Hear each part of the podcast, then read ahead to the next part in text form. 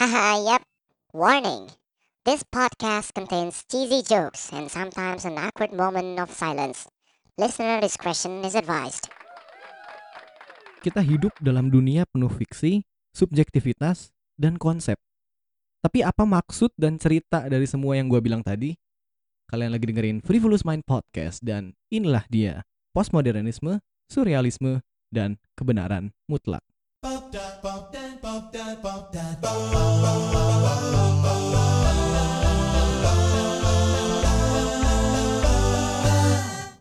Oke, akhirnya eh, sekarang gue ngomong sendiri ya. Minggu kemarin gue ngomong kedua, eh ngomong berdua, sekarang ngomong sendiri.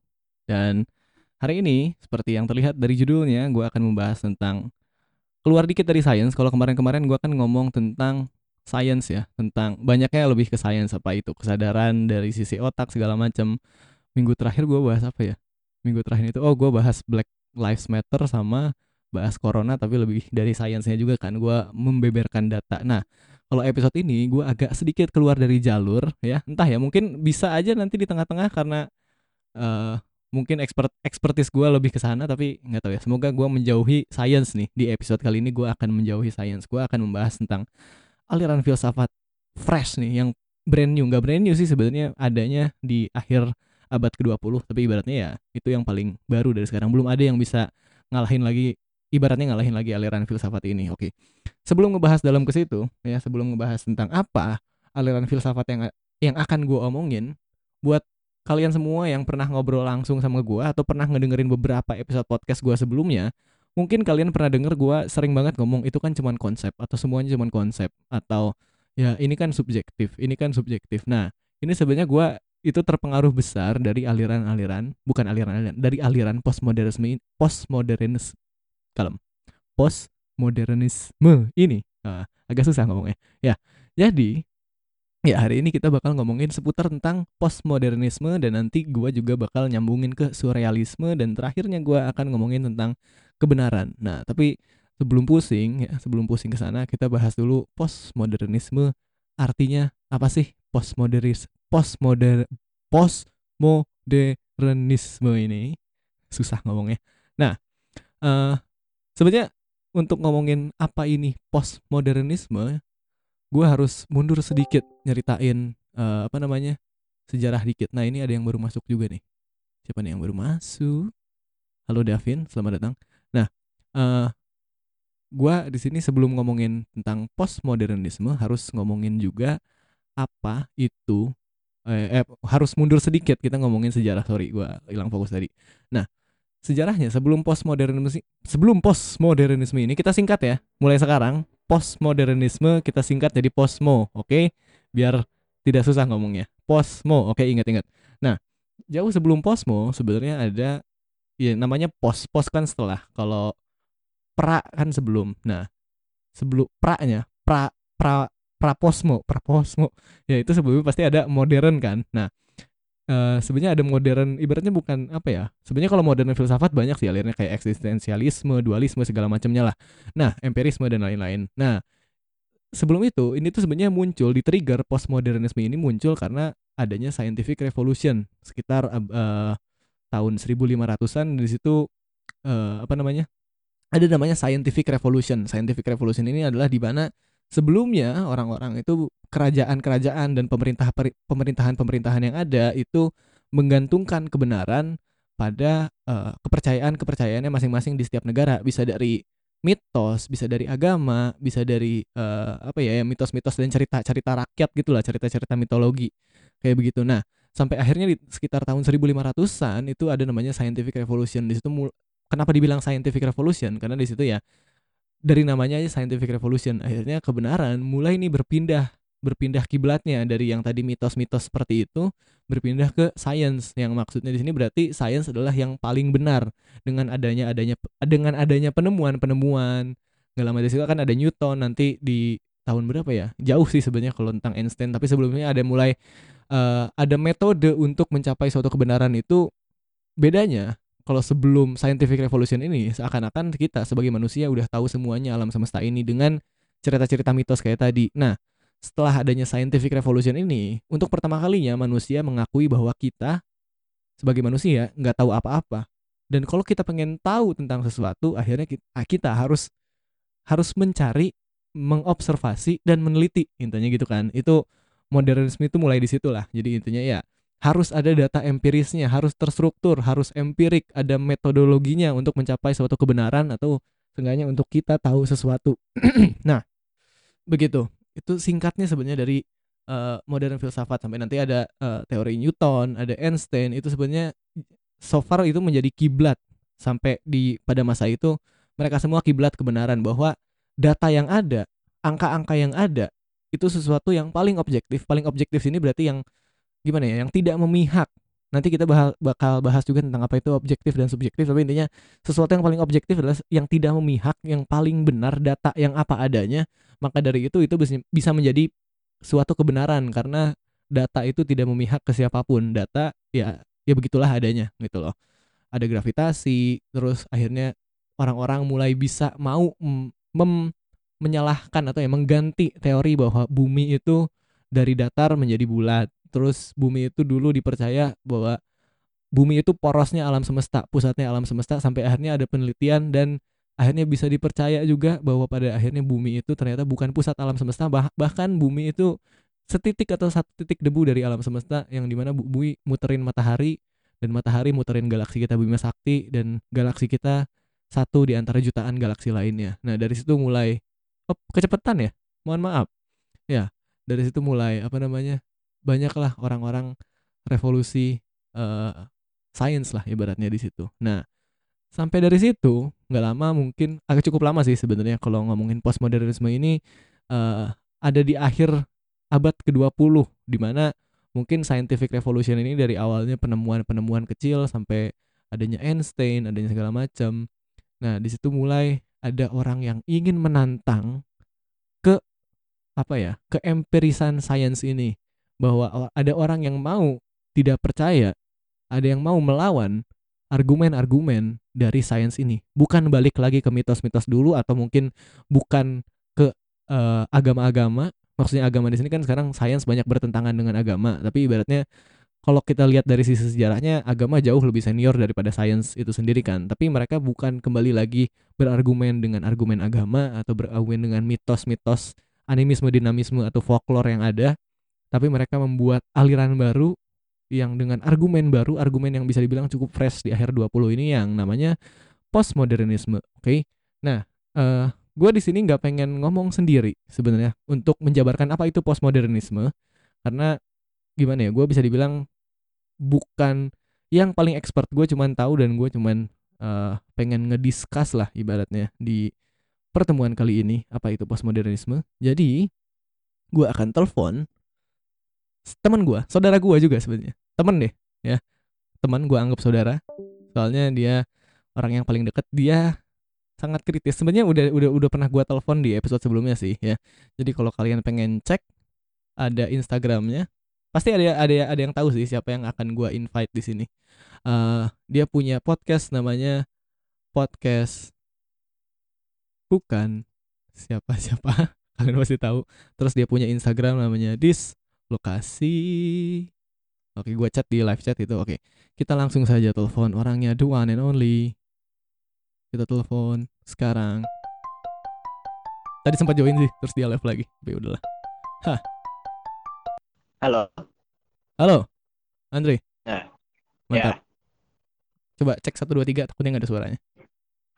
Halo. Oh ya, ada ada suaranya. Oke oke. Andre, halo. Selamat, mm -hmm. selamat datang kembali di Frivolous Mind Podcast. Langganan. Ah. ya, sekarang gue mau nanya, apa itu postmodernisme atau posmo? Uh, mau penjelasan yang panjang atau yang ringkas? Penjelasan yang enak didengar bagi yang belum pernah mendengar atau mendalami postmodernisme ini. Hmm.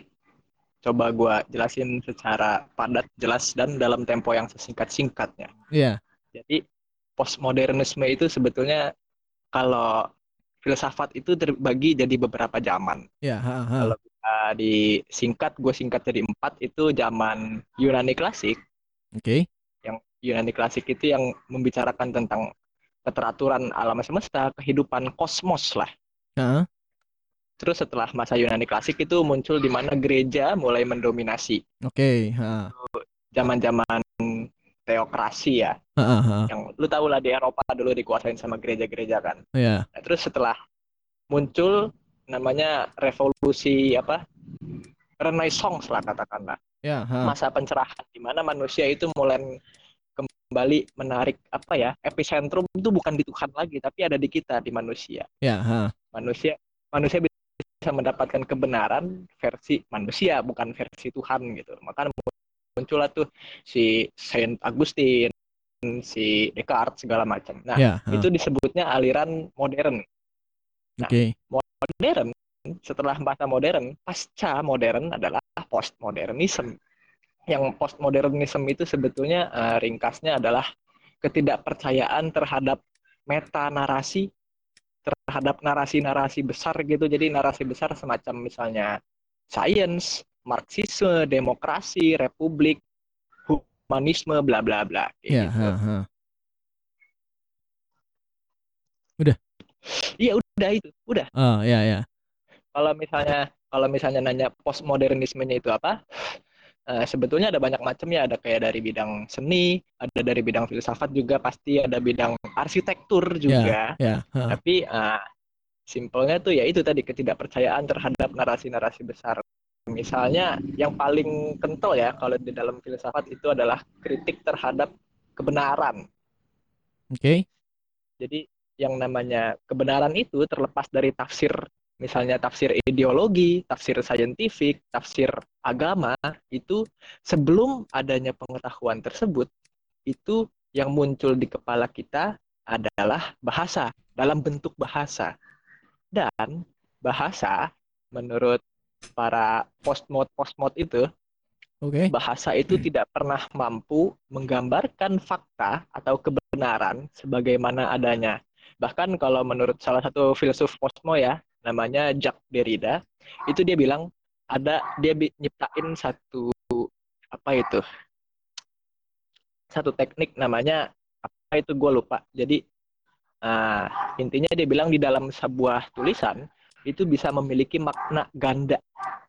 Oke. Gimana tuh? Jadi bahkan eh, misalnya gue melihat di depan gue ada daun gitu ya misalnya. Gue Hmm. melihat, nih gue kasih tahu faktanya nih di depan gue ada daun. Tapi yang muncul di kepala orang-orang itu daun yang berbagai macam bedanya. Oke. Jadi- ya. Walaupun gue menjabarkan sebuah kebenaran nih di depan gue ada daun, kebenaran yang gue sampaikan kepada orang-orang begitu begitu kebenaran tersebut sampai di kepala mereka berubah-berubah bentuknya pasti. Jadi Ya, menurut ya, ya. Cosmo ya ya begitulah Ya, ya, ya. Itu sebenarnya akan gua bahas juga sih dan eh gimana ya? Lu di podcast lu pernah bahas tentang postmodernisme juga kan? emang iya ya nggak tahu gua Enggak tahu gue nanya sebenarnya. gua gua pernah gue seringnya sih bahas Nietzsche dan memang menurut gua Nietzsche salah satu apa ya salah satu yang mencetuskan ide-ide postmodernis gitu kayak bahasa itu begitu kebenaran-kebenaran itu sifatnya tautologis segala macam Tautologis. Gimana tuh? hmm. Gimana tuh? Tautologis. tautologis itu kebenaran yang bentuknya tuh circular gitu loh jadi misalnya air air itu apa H2O ya emang bener H2O tapi H2O nggak menggambarkan apa-apa tentang air. Itu namanya kebenaran tautologis. Oke, itu itu kayaknya akan gua bahas juga lebih dalam nanti. Dan ngomong-ngomong Nietzsche juga eh, kalau nggak salah Nietzsche itu bukan bukan bapak ya karena mungkin lahirnya emang udah lama postmodernisme ini. Posmo ini udah lahirnya udah udah agak lama tapi mungkin lebih yang populernya ibaratnya ya. Populernya itu gara-gara Nietzsche ini juga gitu loh si aliran posmo ini ya nggak sih Oh ya, ya ya bisa jadi. Oke. Gue juga nggak tahu ya maksudnya exactnya kapan postmodernisme itu muncul. Ya ya.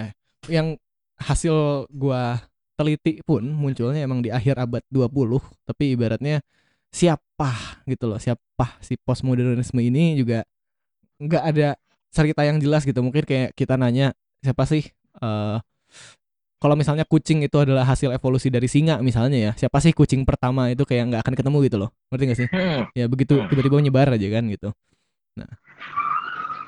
Dan Bagus. bahkan lucunya ya, eh, banyak orang yang diberi label postmo, dia sendiri nggak mau dibilang kalau dia adalah seorang postmodernis.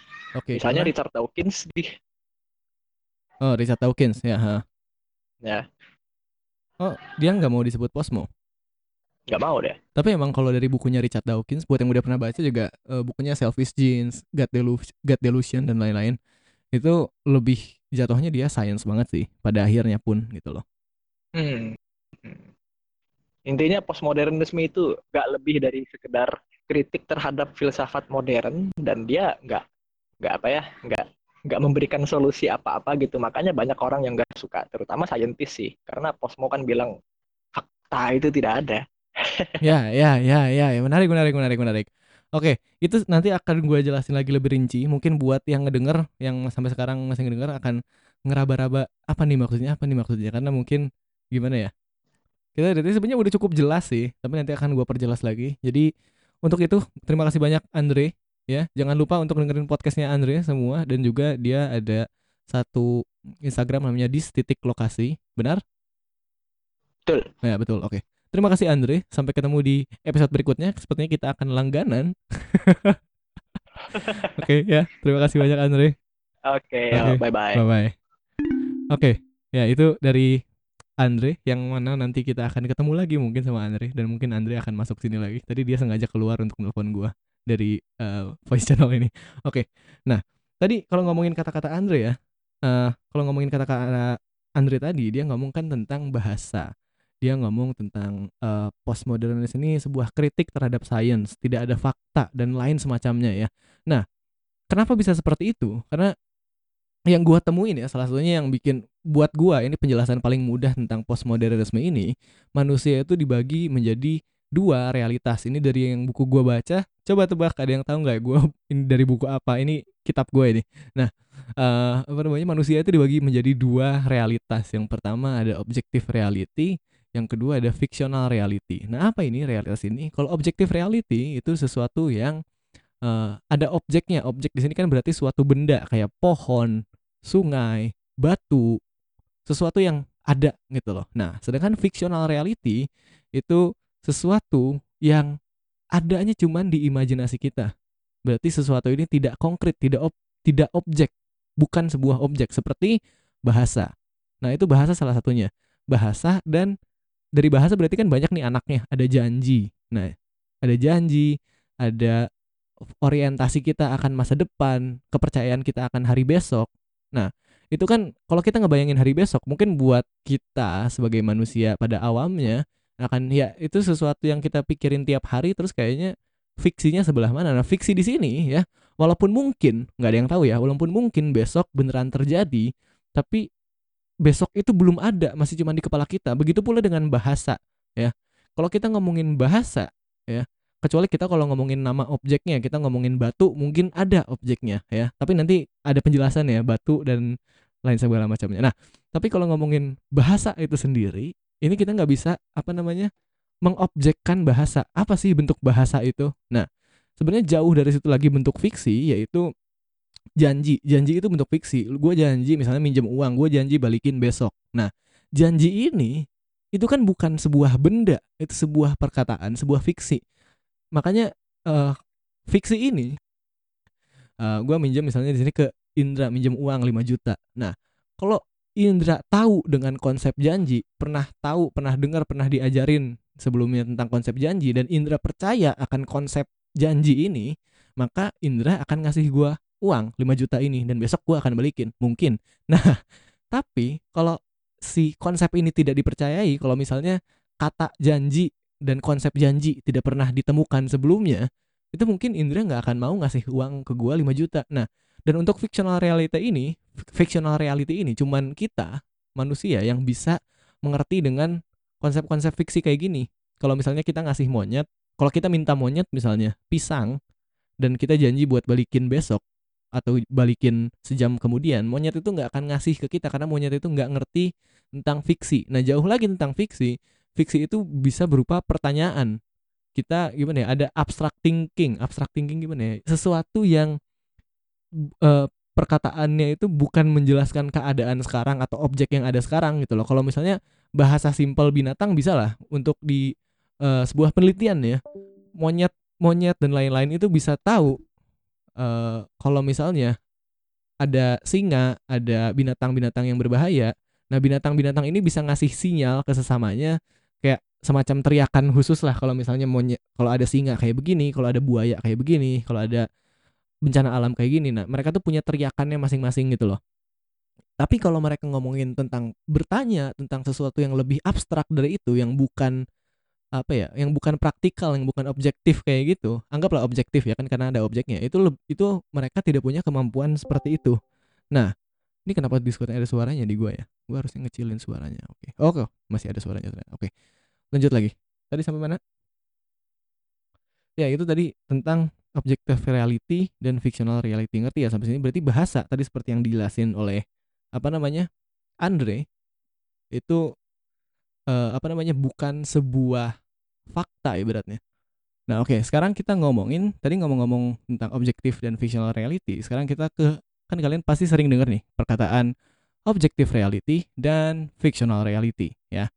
Nah eh tadi kan kalian sering dengar kata objektif. Nah sekarang ngomong-ngomong objektif kita ngomong tentang subjektif juga. Nah bisa di bisa dikatakan berarti ya kalau ngomongin tentang objective reality dan fictional reality, fictional reality ini, fictional reality ini juga bisa disebut sebagai subjective reality atau seenggaknya kalau dipercayai kalau dipercayai banyak orang itu bisa dibilang intersubjective reality kayak bahasa. Kalau misalnya mm, dunia nggak ada handphone belum globalisasi nih ya, orang di Indonesia sama orang Brazil itu punya intersubjective reality yang berbeda. Bahasa kita beda berarti punya realitas yang berbeda ibaratnya gitu. Nah, uh, ibaratnya makanya postmodernis ini melawan modernisme bahkan nggak usah bahasa angka pun ya angka pun itu adalah sebuah fictional reality ya.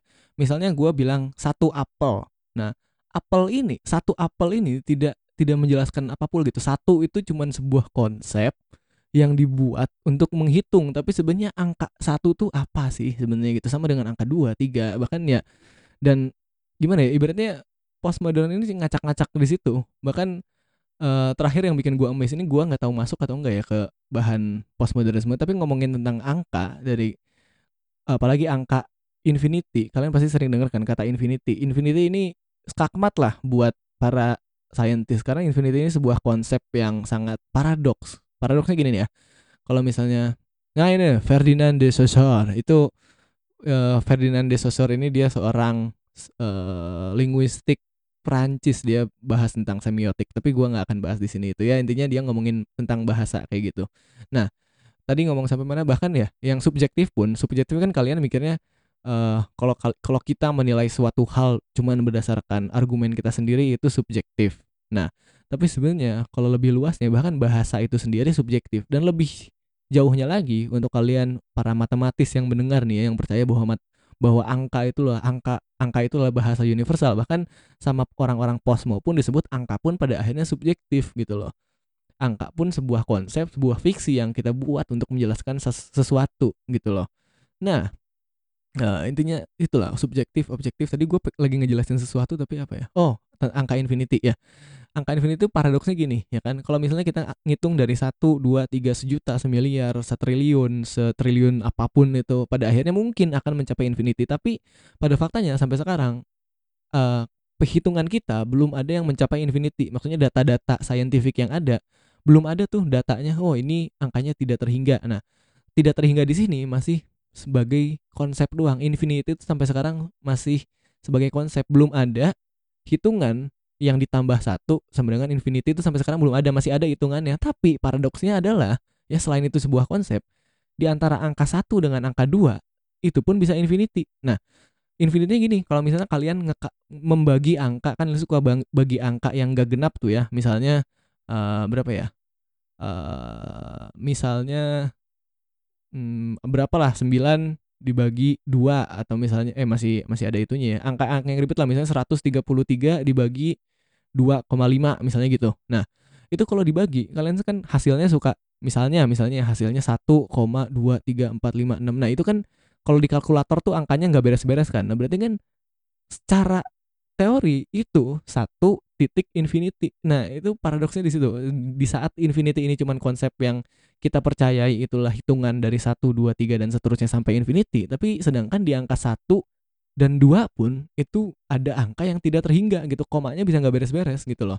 Nah, itulah ngomongin eh apa namanya subjektif objektif mungkin harus eh, semoga kalian sampai sekarang sampai sini bisa benar-benar mengerti apa itu so far ya apa itu posmo ibaratnya posmo itu nganggap semua itu cuman konsep semuanya itu ya subjektif. Jadi ya nothing is true. Ini kayak Assassin's Creed banget. Ada yang main Assassin's Creed nggak ya?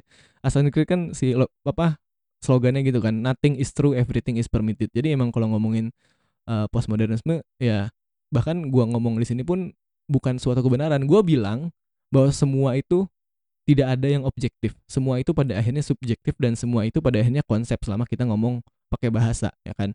Tapi paradoksnya adalah karena posmo tidak percaya dengan bahasa ya kalian nggak harus percaya kata-kata gue juga. Sebenarnya paradoksikal banget gitu loh kalau ngomongin tentang uh, apa namanya postmodernisme ini. Dan tadi kalau ngomong-ngomong tentang yang Andre bilang dia sempat ngomong Nietzsche sendiri. Nietzsche itu ya terkenal dengan gaya-gaya posmonya dan nihilisme itu tadi. Posmo itu bisa dibilang melahirkan nihilisme yang mana di saat nanti kalian ya udah jadi posmo, udah jadi para postmodernis nih, tiba-tiba eh biasanya yang udah kecekok postmodernisme, po, yang udah kecekok posmo biasanya suka langsung eksistensial krisis. Jadi semuanya cuma konsep ya. Jadi nggak ada yang bener-bener objektif ya nggak ada kebenaran yang 100% absolut ya terus akhirnya kalian menjadi nihilisme nihilisme itu artinya ya ya berarti karena semuanya itu tidak ada yang objektif semuanya cuman fiksi berarti ya udahlah hidup itu meaningless nah biasanya langsung kayak yang kayak begitu dicekokin sama Nietzsche langsung wah langsung jadi full full time nihilis banget gitu loh. Nah, kalau ngomongin Nietzsche ya kata-katanya juga sebenarnya cukup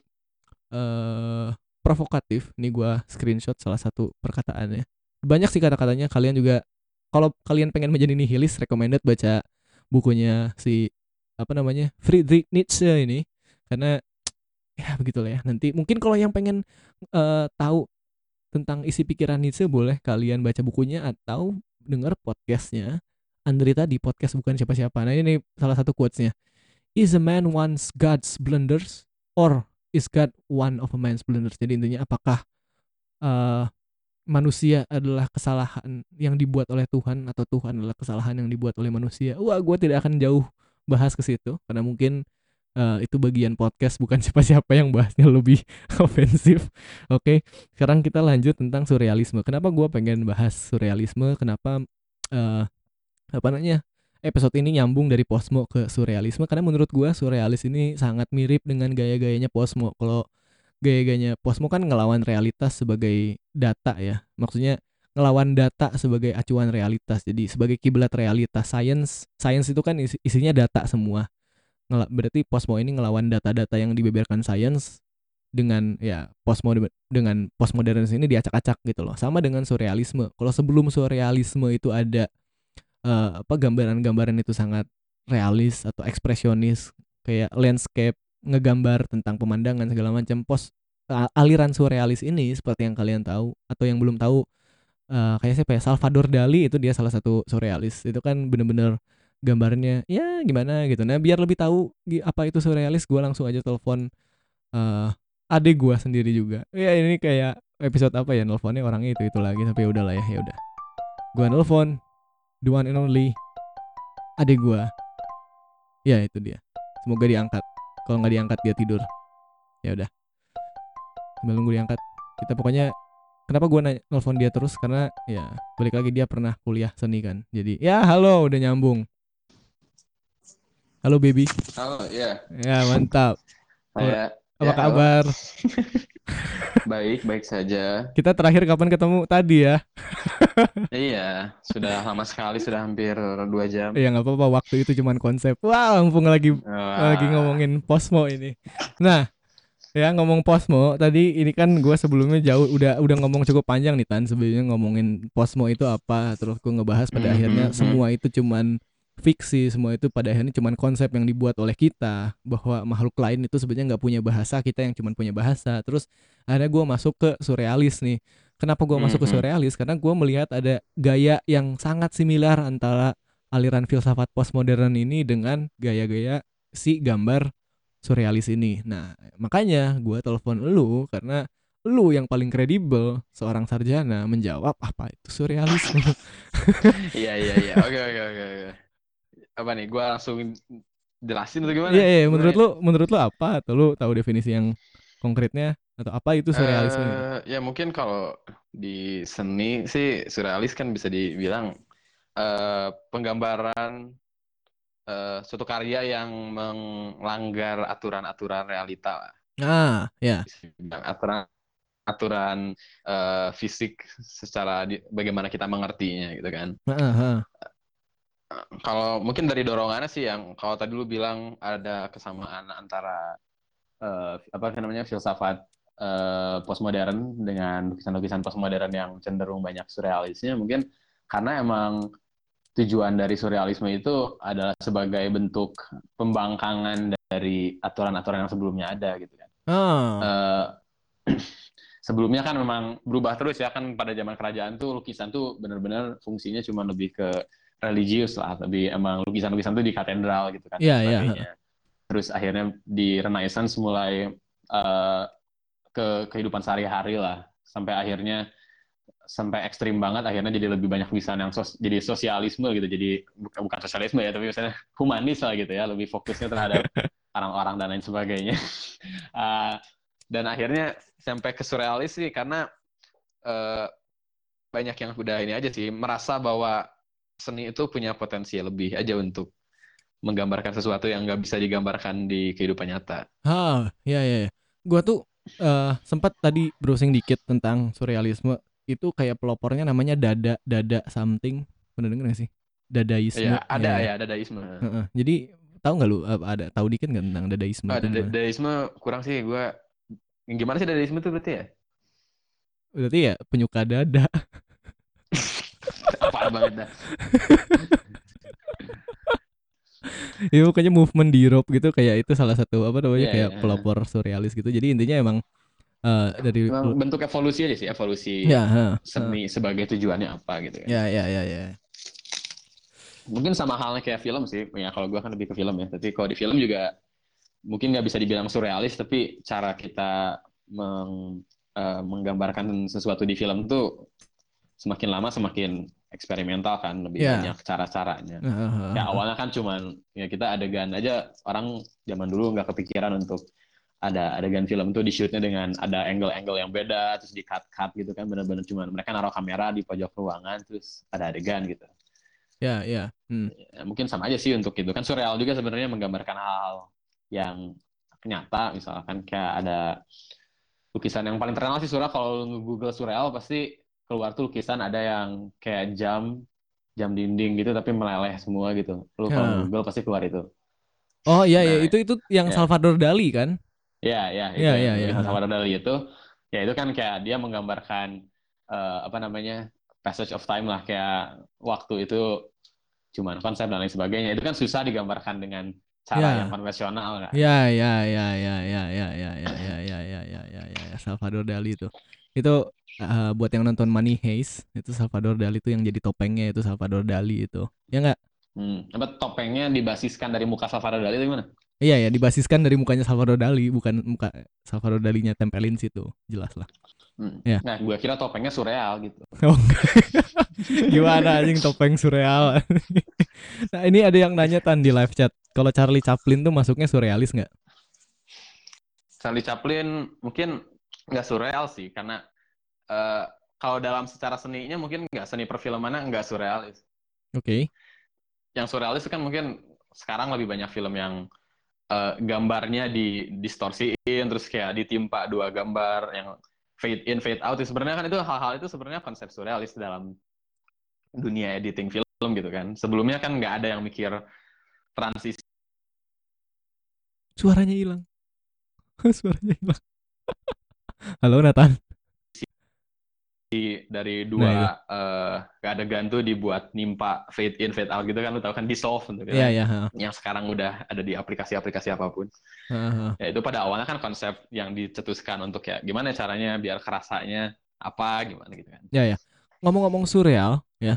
ini kan sekarang lagi lagi hype nih Mhm. zaman-zaman apa visual-visual yang psychedelic psychedelic gitu kan yang kayak wah, warna-warni segala Nah, macam. iya, itu iya. itu masuk agak masuk ke surreal nggak sih atau malah emang itu bagian dari surreal? Eh, iya sih, si- psyched- psychedelic banyak eh, unsur surrealnya sih. Terutama kan emang pada zaman-zaman itu nggak sih paling puncak-puncaknya tuh 60-70. Ya, ha. Itu puncak-puncaknya surrealis-surrealis. Film-film pun banyak yang lebih surrealis dan lain sebagainya. ya, ya, ya, ya, ya, ya.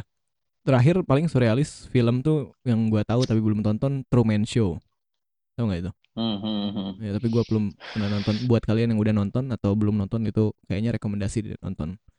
Begitu Ya intinya. mungkin kayak kalau yang terakhir-terakhir lu nonton juga ada Lighthouse itu kan Ya. juga kan. The Lighthouse tuh kalian harus nonton Lighthouse man, dude.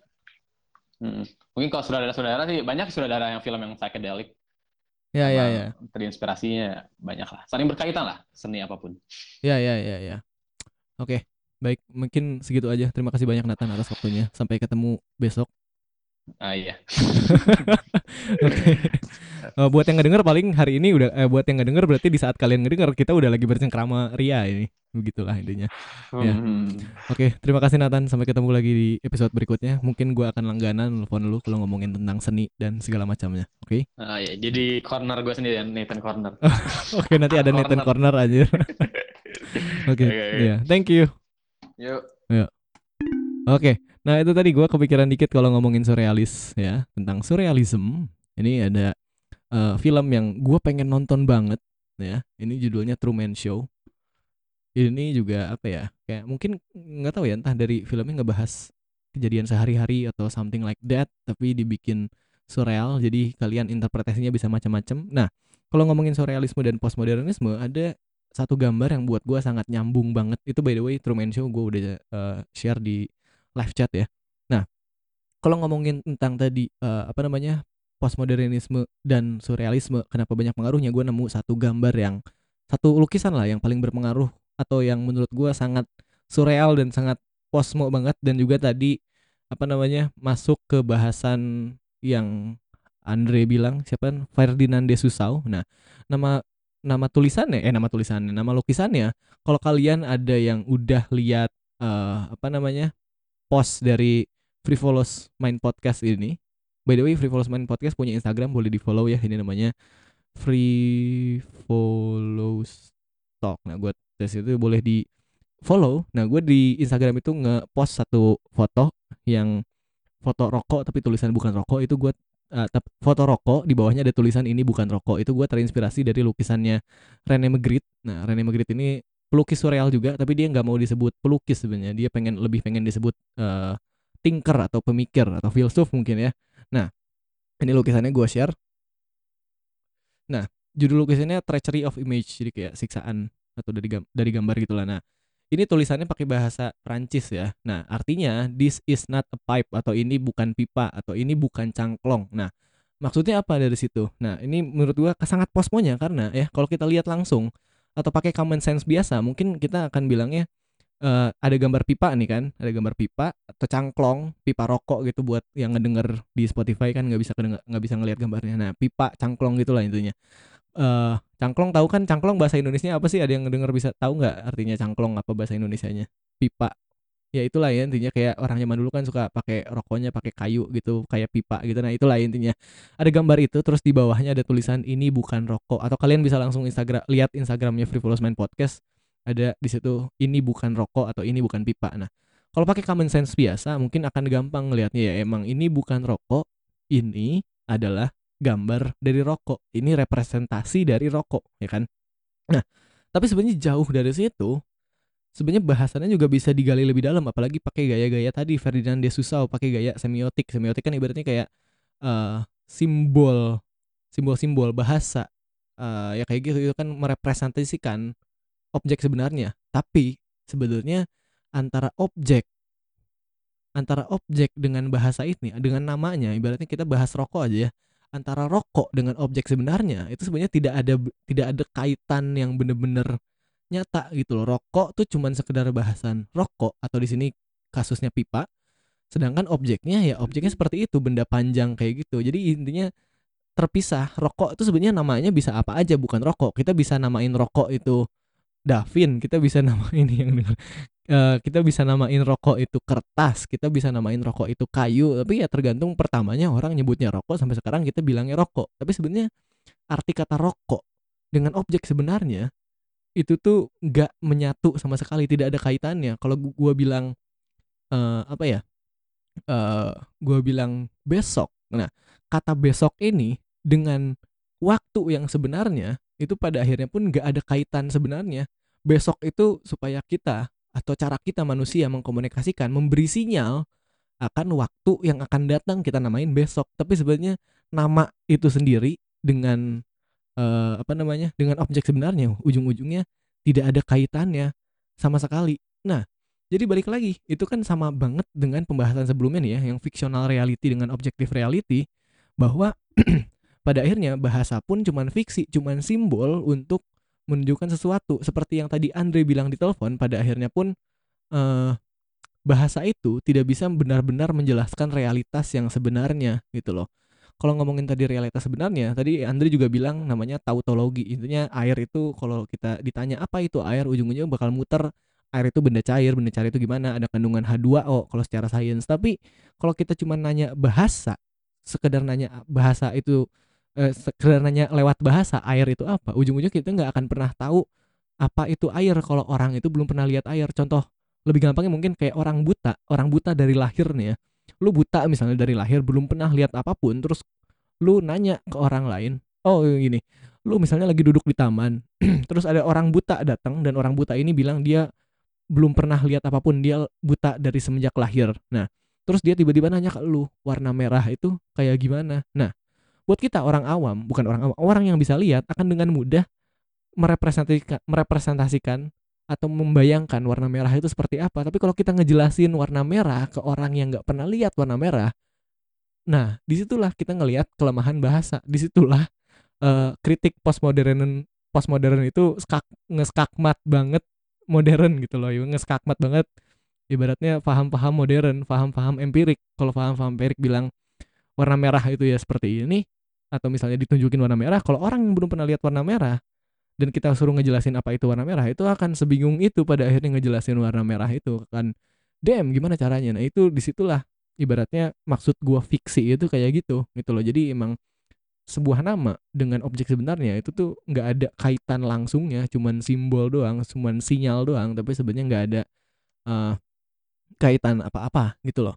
Nah jadi itulah ob- apa objektif dan subjektif. Dan pada akhirnya berarti bisa disimpulkan bahwa eh kalau ngomongin subjektif semua kualitas gimana ya bridgingnya yang enak gimana ya? Ini kan objektif subjektif. Tadi kan bahasa cuman fiksi. Nah kalau ngomongin bahasa cuman fiksi berarti semuanya itu subjektif at least. Kalau misalnya ada satu kebenaran yang kita percaya misalnya apa ya anggaplah anggap semua orang di dunia setuju kalau ngebunuh itu salah. Nah menurut kita mungkin buat manusia at least itu sebuah kebenaran yang objektif karena semuanya percaya bahwa ngebunuh itu salah. Tapi kalau dibalas pakai pos- postmodernisme, pertama bahasanya pun subjektif ya kan bahasa itu fiksi. Yang kedua, itu cuman semua orang doang yang percaya, tapi spesies lain itu nggak mempercayai atau tidak menyetujui atau seenggaknya tidak ada kata-kata dari mereka bahwa mereka percaya atau setuju bahwa membunuh itu salah. Ujung-ujungnya itu subjektif lagi untuk manusia, tapi mungkin itu kayak intersubjektif lagi bilangnya kayak gitu itu kayak eh, subjektivitas bersama-sama pada akhirnya gitu loh. Nah jadi ibaratnya kalau tadi ngambung sama apa ya oh terus kan dari sini pada akhirnya gue akan ngomong kebenaran itu apa. Kalau ngomongin tadi tentang pakai bahasan postmodernisme berarti bisa disimpulkan kalau dari bahasan posmo itu yang semua bentuk kualitas itu adalah bentuk subjektivitas. Kualitas di sini ibaratnya nilai akhir ya nilai akhir sini gimana ya? Apakah dia baik atau buruk? Apakah ini benar atau salah? Terus kayak nilai kayak lukisan yang gua udah share sebelumnya, apakah lukisan ini bagus atau tidak? Itu kan sebuah kualitas ya kan. Kalau kuantitas kan pada akhirnya cuman angka. Cuman pada akhirnya kan semua kuali apa? Kualitas itu ya kualitas, kuantitas itu kan cuman angka. Cuman data. Jadi ya kuantitas tidak menilai apa pun walaupun balik lagi sih kalau ngomongin posmo kuantitas pun adalah kualitas manusia untuk menyimpulkan sesuatu gitu loh. Nah itu karena paradoksnya tadi kan ah, ini alhamdulillah nge-share di live chat the only truth is not truth. Tapi kalau the only truth is not truth paradoks lagi kan ya berarti no truth tapi dia bilang the only truth is not truth. Ngerti gak sih paradoksnya? Ya gitulah intinya. Nah nah balik lagi ya. Eh, jadi ibaratnya kalau ngomongin dari posmo semua kualitas yaitu subjektivitas. Jadi kalau lu ngomongin mana yang baik mana yang buruk itu pun adalah subjektivitas lu gitu loh. Jadi makanya banyak yang dari posmo bergerak ke ni- nihilisme. Nihilisme di sini kan seperti yang tadi gue sempat jelasin kayak nihilisme itu kayak ya hidup itu nothing lah meaningless nggak ada uh, fakta yang absolut ya kan? Jadi kalau ngomongin tentang tadi subjek semua kualitas itu subjektivitas. Gue juga sering nah ini universal subjective truth. Kalau ada satu kebenaran yang dipercaya oleh semua orang ujung-ujungnya itu bukan hal yang objektif tapi universal subjective truthnya. Balik lagi tadi kan semua kualitas cuman subjektif semua kualitas itu subjektivitas. Gue juga sampai sekarang sebenarnya agak skeptis dengan kata-kata dunia itu balance dunia itu seimbang. Hidup itu harus seimbang. Balik lagi seimbang itu cuman konsep. Terus kan argumennya alam semesta itu ada sekarang itu ada. Karena semuanya itu balance ada baik ada buruk ada jahat ada panas ada dingin. Sebenarnya enggak sih. Kalau konsep kesempurna ini konsep balance ini konsep seimbang ini enggak ada ya. Alam semesta it is what it is aja gitu loh. Apa namanya gimana ya? It is what it is ya begitulah apa adanya tanpa keseimbangan tanpa konsep ibaratnya. Univ apa alam semesta jalan begitu saja pada akhirnya gitu tanpa perlu seimbang. Balik lagi seimbang itu kan kalau dari posmo ya cuman konsep gitu loh. Nah itu ada baik ada buruk di alam semesta itu ada A ada B harus ada keseimbangan harus ada keadilan. Balik lagi semuanya cuman konsep makanya bergerak ke apa banyak orang yang setelah tahu posmo itu bergerak ke nihilisme karena ya mereka percaya kalau semua itu ternyata cuman konsep pada akhirnya pun. Nah ini apa nih nge-share apa? Ya itulah baca yang di share sama eh, alhamdulillah di live chat tapi itu gitu. Nah jadi kalau ngomongin eh apa ya kebenaran balik lagi ya existential crisisnya adalah balik apa pada akhirnya bahasa pun cuman konsep. Tapi paradoksnya ya ini biar eh, apa namanya biar kalian tidak terlalu galau setelah atau langsung existential crisis wah tidak ada kebenaran. Balik lagi kalau ngomongin tentang postmodernisme berarti karena bahasa itu cuman konsep dan kebenaran pada akhirnya subjektif berarti kalian pun nggak usah percaya apa yang gue omongin sekarang karena gue pun ngomongnya subjektif karena bahasa itu subjektif dan fiksi ya gitu lah intinya. Dan kalau ngomongin subjektif wa- waktu tadi kan gue sempat ngomong sama Nathan ya waktu itu cuman konsep dan tadi Salvador Dali juga ngomong apa lukisan dia yang eh, jam digantung jam di itu itu kan balik lagi waktu itu cuman konsep. Jadi emang kalau dari sisi postmodernisme waktu itu ya emang cuman konsep. Jadi hari besok kemarin sekarang itu tuh sebenarnya nggak ada cuman konsep. Itu tuh cuman simbol akan pergerakan alam semesta gitu loh. Jadi bumi bumi muter 360 derajat eh 360 derajat. Bumi muter 180 derajat ya yang dari siang jadi malam yang dari malam jadi siang. Bumi berotasi matahari sekali eh, matahari sekali itu satu tahun. Tapi balik lagi itu tuh sebenarnya nggak ada. Itu cuma nama doang untuk sim untuk menyimbolkan realitas yang ada. Tapi sebenarnya apakah kita tahu waktu apa apa itu waktu sebenarnya ya pada akhirnya juga ya gimana ya muter-muter di situ aja. Kita nggak pernah tahu apakah waktu itu benar-benar ada. Kalau kita ngomongin ternyata waktu itu cuma konsep gitu loh. Ya kan apakah ya, ya gitulah pusing kok kalau ngomongin postmodernisme. Jadi intinya gitu pada akhirnya kebenaran subjektif semuanya subjektif. Bahkan yang gue omongin subjektif dan yang gue omongin fiksi karena gue ngomongnya pakai bahasa. Kalau kalian pengen objektif kalau kalian pengen hidup seobjektif mungkin jangan jadi manusia. Atau tidak usah ada manusia baru semuanya objektif tuh. Tidak apa alam semesta tanpa ada judgement tanpa ada nilai tanpa ada interpretasi. Karena semenjak ada interpretasi itu sudah tidak ada arti yang sebenarnya. Semenjak ada kata kebebasan kebebasan sudah hilang. Semenjak ada kata objektif objektivitas itu sendiri udah hilang. Wah keren kan? Tapi untuk mengakhiri podcast ini kalian jangan galau jadi walaupun memang ternyata mungkin dari sisi bukan mungkin ya ternyata memang dari sisi posmo pada akhirnya semuanya itu fiksi dan semuanya itu meaningless semuanya itu cuman cuman apa ya cuman cuman eh, semuanya itu meaningless semuanya cuman fiksi dan semuanya itu subjektif. Tapi ya udah gitu pada akhirnya kalian main-main aja gitu sebagai manusia kan ya bawa asik aja gitu. Ada yang keren ya gua tutup dengan kata-katanya Jean Paul Sartre. Bener nggak gue nyebutnya itu kayak dia filsuf Prancis dia bilang pada akhirnya existence pre- precedes essence. Jadi walaupun iya pada akhirnya apa namanya manusia eh, hidup itu meaningless hidup itu absurd. Dan kalau dari konsep posmo apalagi hidup itu tanpa tujuan semuanya cu- cuman konsep. Kita doang yang buat-buat arti kita doang yang buat-buat moral kita doang yang buat-buat kebenaran. Tanpa adanya manusia nggak ada yang benar. Dan juga nggak ada yang salah. Tapi gara-gara kita ada di bumi ini akhirnya kita membaik benarkan sesuatu. Oh ini juga ngomongin tentang subjektivitas kepikiran film Joker. Kalau kalian ada yang udah nonton film Joker ya pada akhirnya eh Joker kan bilang komedi itu subjektif. Iya benar. Jadi komedi itu sama dengan nilai moral. Apa yang baik apa yang buruk kalian harus ngapain pada akhirnya subjektif. Kalian hidup di mana ya tempat itu menentukan apa yang baik apa yang buruk. Jadi sebenarnya dunia itu tergantung kalian hidup di mana ya kalian kebenarannya adalah kebenaran yang kalian tinggal di mana itu yang benar gitu kan.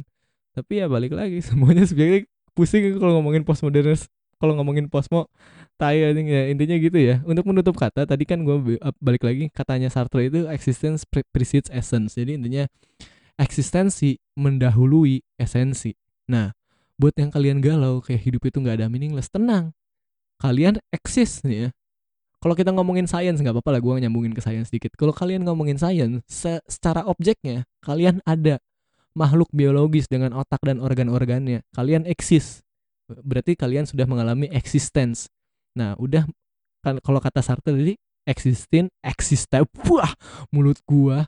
Kalau ngomongin kata Sartre lagi tadi existence precedes essence. Jadi karena kalian sudah uh, exist mendahului essence. Essence ini esensi atau nilai. Jadi akhirnya ya udah hidup kalian karena kalian ada ya kalian carilah arti kalian sendiri gitu humanis banget pada akhirnya biar nggak kelam-kelam banget walaupun ya ya udahlah gitu ya. Jadi intinya ya kalau kalian uh, apa namanya bingung setelah dengerin ini atau krisis existential crisis lebih baik jangan ya karena existence precedes essence. Jadi kalian hidup kalian carilah arti kalian sendiri. Hidup itu buat kalian apa sih? Esensi hidup itu buat kalian apa sih? Apakah cuma buat main-main doang? Atau berbuat baik yang menurut kalian baik? Atau kalian pengen ngapain?